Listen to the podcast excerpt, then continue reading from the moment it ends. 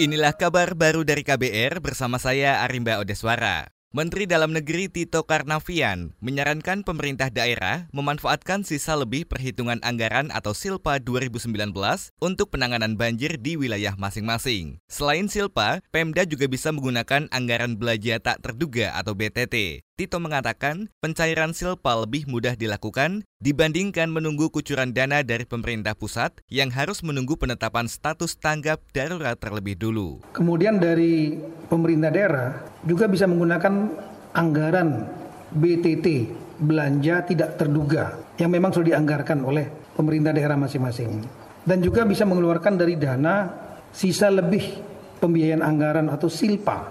Ada beberapa daerah yang silpanya cukup tinggi atau cukup signifikan.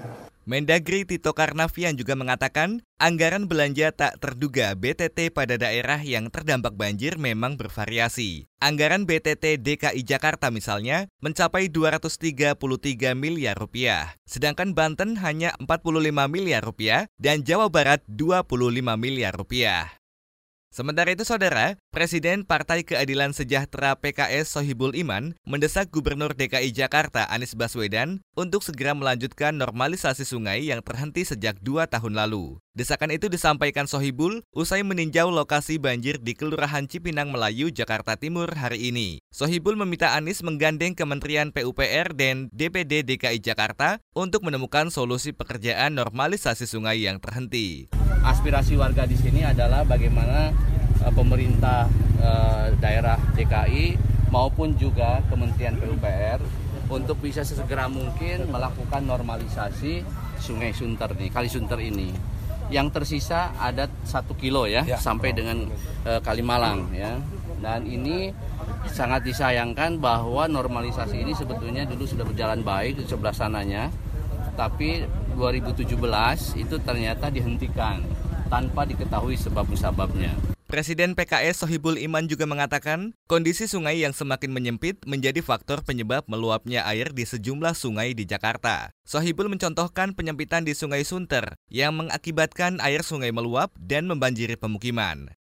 Masih seputar informasi banjir saudara, Suku Dinas Perhubungan Jakarta Selatan membantu warga korban banjir dengan melakukan penderekan gratis untuk mobil mogok yang terendam air serta lumpur. Kepala Sudin Perhubungan Jakarta Selatan Budi Setiawan mengatakan, proses penderekan sudah dilakukan terhadap sejumlah mobil di Jalan Pondok Karya Mampang Perapatan dan Kompleks IKPN Bintaro Pesanggerahan. Budi juga mengklaim layanan derek gratis mobil mogok akibat terendam banjir disediakan di tiap-tiap kecamatan. Masyarakat Jakarta Selatan yang membutuhkan layanan derek gratis bisa melapor lebih dulu ke kecamatan.